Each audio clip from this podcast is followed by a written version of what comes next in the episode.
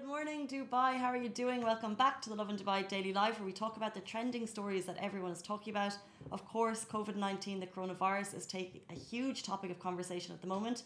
We're going to be talking about the jump in numbers, which was announced yesterday, as well as the jump in recoveries. So there's been a lot of confirmed cases. There's also been more recoveries, which I think is uh, reassurance to everyone. We'll also be talking about Skype for Business. Etisalat has announced its own version. This is huge news for businesses who may be kind of considering the prospects of working remotely. And also a video that's going viral on TikTok because it's teaching you how to do traditional handshakes, traditional handshakes, I'll get there, traditional handshakes without actually shaking people's hands or you know touching noses or cheeks. Um, but we'll get to that. So the first story, of course, I think a lot of you are going to tune in. You want the latest coronavirus updates. This came from the Ministry of Health and Prevention yesterday on Twitter. The total number of COVID 19 cases in the UAE has jumped to 59. So on Monday, the UAE recorded 14 new cases, bringing the total to 59. The MOHAP said that the cases include four Emiratis, three Italians, two Bangladeshis, two Nepalese, an Indian, and a Syrian. All of the cases were recovered through continuous discovery and are were confirmed through continuous discovery and investigation. Uh, a lot of cases are being isolated, and they want you to be aware that there's a lot of kind of health checks and border checks to ensure that the UAE is following um, international best practices. Um, they're also isolating the confirmed uh, and suspected cases, which I think will be a reassurance to many. And as well as that, so yes, the numbers did jump to uh, 59. However, the number of recoveries has also jumped. So jumping uh, from 7 to 12, um, which is great news as well. So this was all recorded by the Ministry of Health and Prevention. And we're constantly saying, and they are also constantly saying, do not, please don't read everything. Don't believe everything you see in WhatsApp groups. There's a lot of misinformation being shared.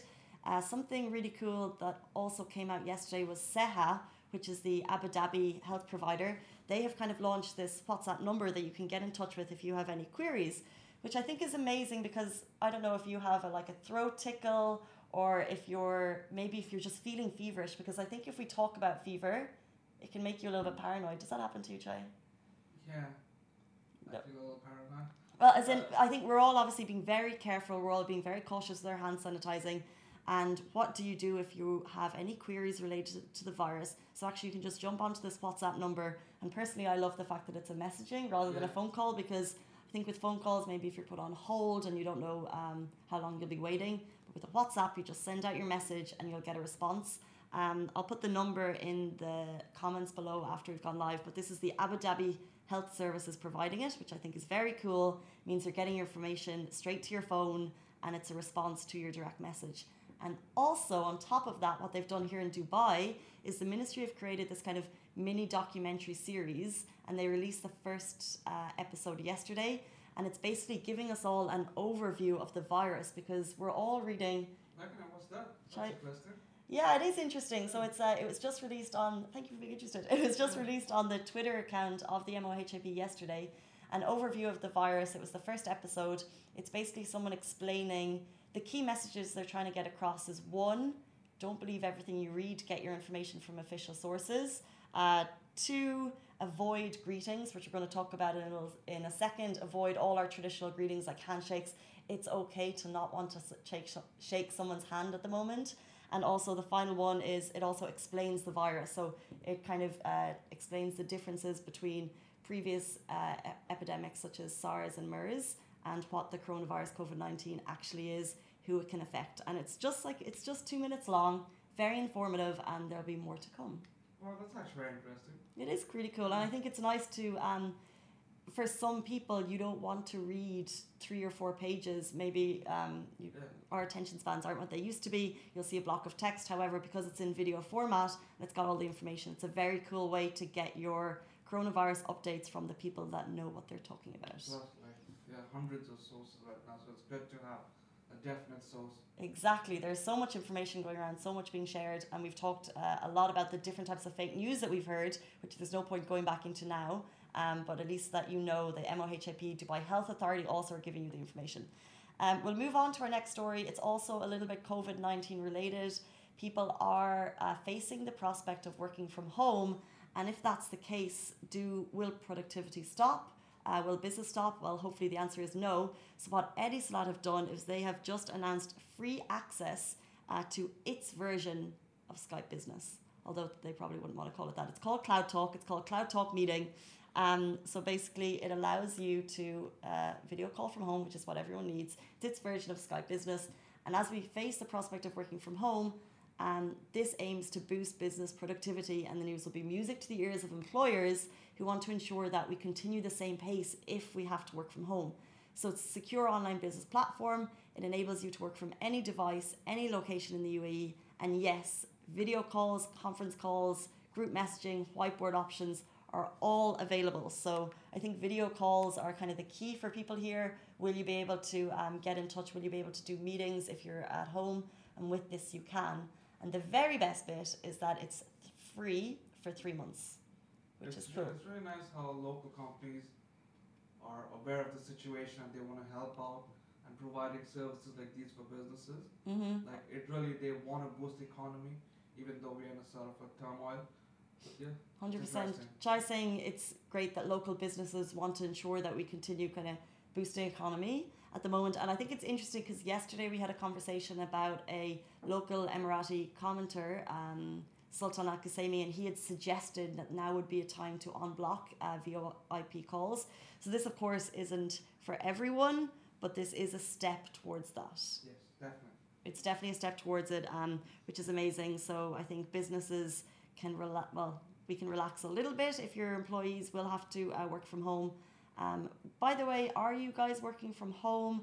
Have your businesses taken that step yet? I'd love to know. Um, we're working full capacity here at the moment. We haven't seen any reason to, but I think a lot of businesses are preparing for that. So you need to kind of get your ducks in a row just in case. I think that's kind of the like following exactly exactly what the examples of the UE are doing and just preparing. So that's what we're doing. It's good to be prepared. It's good to be prepared. Sanitizer all day. Um, and moving on to our Sorry, I had to let me my hands. Moving on to our final story. Yes, this is another COVID story, um, but it's also more of a, a kind of a light way to talk about it. So, um, people are avoiding handshakes, and the footshake explainer has over 33 million views on TikTok. I always get confused between TikTok and ToTok. TikTok is, of course, the video sharing app that has taken over a younger generation. I don't know if you guys are using it, um, but I think they've gone up to 40 million users a day Wow. something I is a number I heard recently. Don't quote me on it, but it just shows kind of there's a massive audience on TikTok right now, and then ToTok is the video calling service app that we also talked about yesterday. Um, but what's funny about this one is it's a foot shake. I was calling it a toe tap, but uh, can we watch the video first so that we can talk about it? Well, with the music.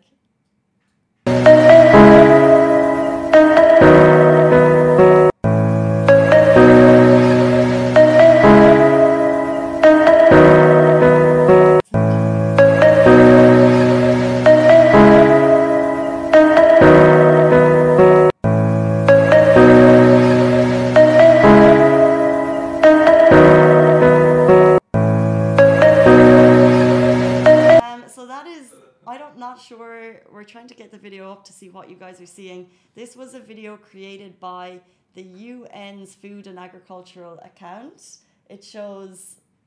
I'm trying to check.